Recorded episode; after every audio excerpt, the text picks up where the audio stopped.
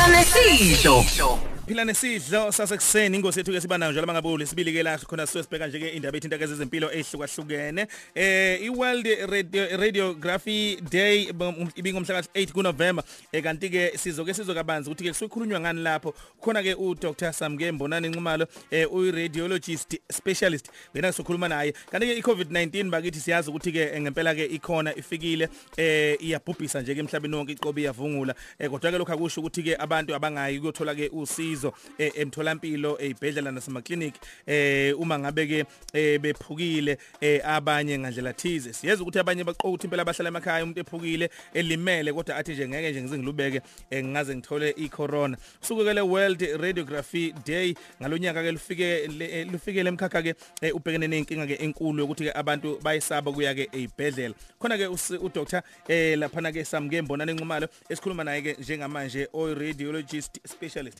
Sikubekele ngibingelele edokotela sikwamukele khosini FM Eh ngibingelele sanibona umsakazi ngibingelele nabalaleli. Awuqala usichaze lo mehluko phakathi kwe radiologist kanye ke ne radiographer imuphi? Oh okay. No so i radiographer umuntu osuke enobuchwepheshe bokuthatha izithombe eh asuke udokotela osuke sombonile uyisiguli wase ekucela ukuthi phuthuma uyothatha i-x-ray noma uyothatha i-CT scan kanjalo kanjalo so mawufika ke kule department yase x-ray ubeke so usizwa i-radiographer ekuqaleni okuyena umuntu onobuchwepheshe bokuthatha lezi ithombe bese kuthi hmm. i-radiologist kube yilo dokotela ke manje obesefunda acwaninge lezi ithombe bese ekhona ukuthi abhalele udokotela wakho i-report echazayo ukuthi umonakalo mawukhona ukuphi uyapi kanjani eh laba abantu bobabili i-radiographer ne-radiologist abantu okubalekile ukuthi basebenzisane ngokubambisana ukuze isiguli sithole imiphumela yezithombe ne-report egculisayo ngokwemfundo ke i-radiographer yona ithi mayisiqede umuntu mayiseqede high school ubese ngena ke either e-technical noma e-university enze iminyaka emithathu kuya kwemine ukuze athole izi iqualification yokuba iradiographer kanti iradiologist yena kumele aqale afundele ukuba udokotela leyo ke iminyaka iminyaka eyisithupha ufunde wenze izifundo zobudokotela kuqala uthi ungaqeda wenze internship iminyaka emibili eh uphinde futhi userve icommunity unyaka owodwa bese uyabuyela esikolweni uyospecialize futhi ke eminye iminyaka emine kuya kwemhlanu ukuze ke uqualify ke ube iradiologist kodwa nje abantu abasebenzisana ngokubambisana iradiographer neradiologist Eh Dr Samke ke kubuzakala umuntu mhlawumbe mayihambile eh kuyokwenza iX-ray ngikhumbula nje eh ngisase high school ngangahamba ngayo eh, eh, kwenza iX-ray yemhlathi kokunye uzokuthi umuntu wenze x-ray ngoba mhlawumbe kukhona okumilile ngaphakathi kuyena noma mhlawumbe ithambo mhlawumbe uphukile noma khona udokotela bangakubo yini le phoqa ukuthi umuntu makayothatha isithombe ngempela ngempela izimo ngempela uthi yabona ke la kufanele kuthathwe isithombe? Nanokuthi kusuke kuzolekelela kuphi ukuthi kuze kuthathwe isithombe? Okay isimo esithathi esenza ukuthi uthathe isithombe sizokhondwa ukuthi so kubalekile ukuthi uma kunomonakalo siye siqale kulento ekuthiwa i-primary health care noma ngabe siqale ekliniki noma ngabe siqala kudokotela lo ongasekhaya oseduze nathi.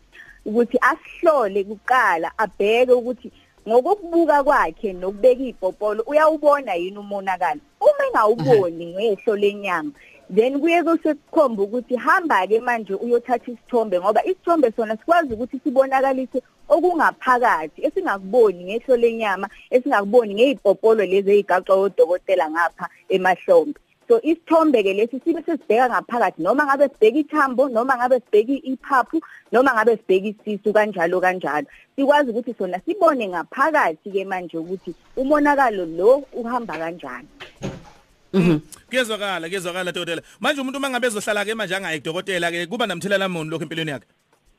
Hey yazi umbuzo obalekile kakhulu loyo njengoba futhi sike sakhuluma ngendaba yamanje ngeCovid. Eh abantu sebeke bayithola ikhathi eziningi bebalekela ukuya esibhedlela ngoba bethi basaba ukuthi bazothola iCovid. Umuntu alimale eh ahlale abophe ngebhandishi bese kuthi mzukane esebona ukuthi hayi angisakhoni aye esibhedlela umonakalo sowubhebhetheke kakhulu ngaleso sikhathi.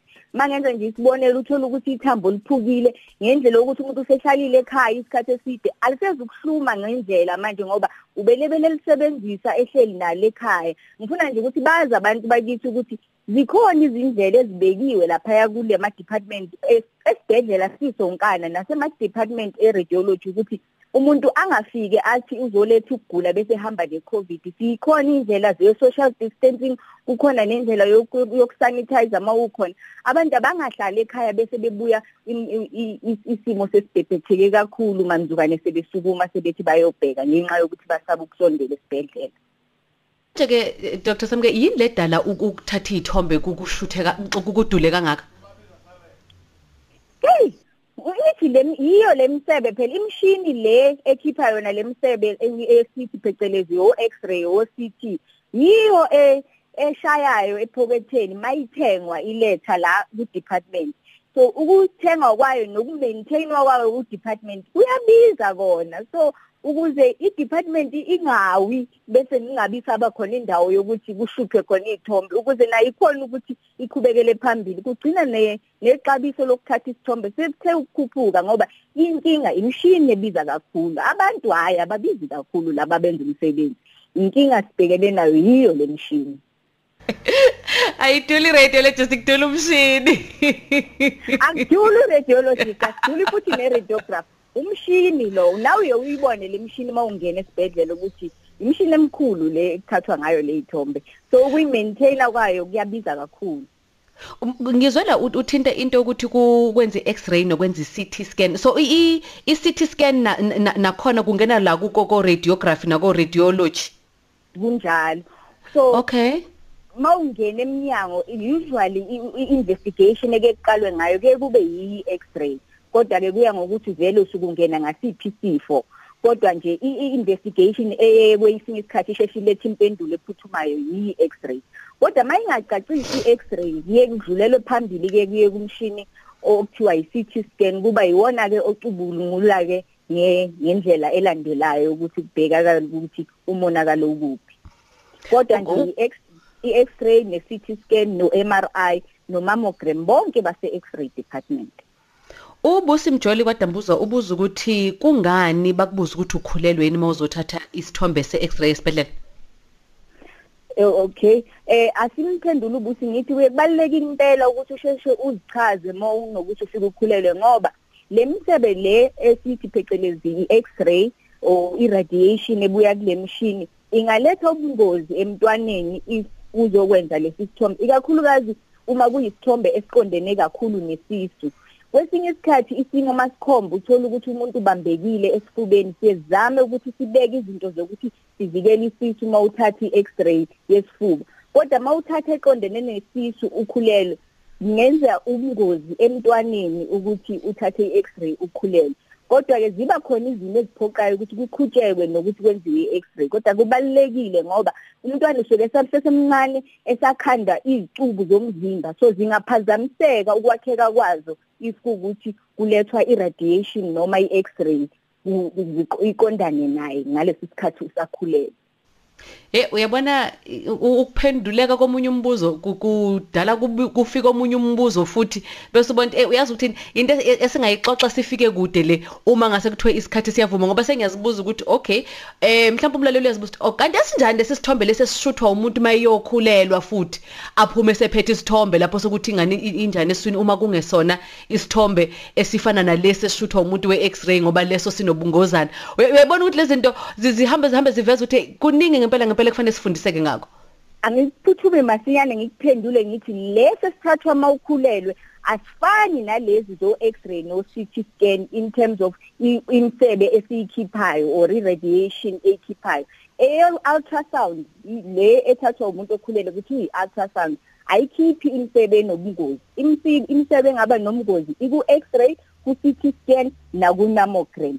Lo okuthiwa yi-MRI ne-ultrasound ubungozi bayo o imsebe yabo ayinabo ubungozi emntwaneni. Iyona engathi ingaba iyona recommended uma umuntu exakekile kumele ayohlola noma nje ifuna ukubona umntwana wakhe ukuthi ukhula kanjani. Umbuzo wokugcina eh sesisonke ingxoxo yethu Dr. Samke umbodane dube entungweni uthi kungani kube iprocess ende uma uzongena kwiscan?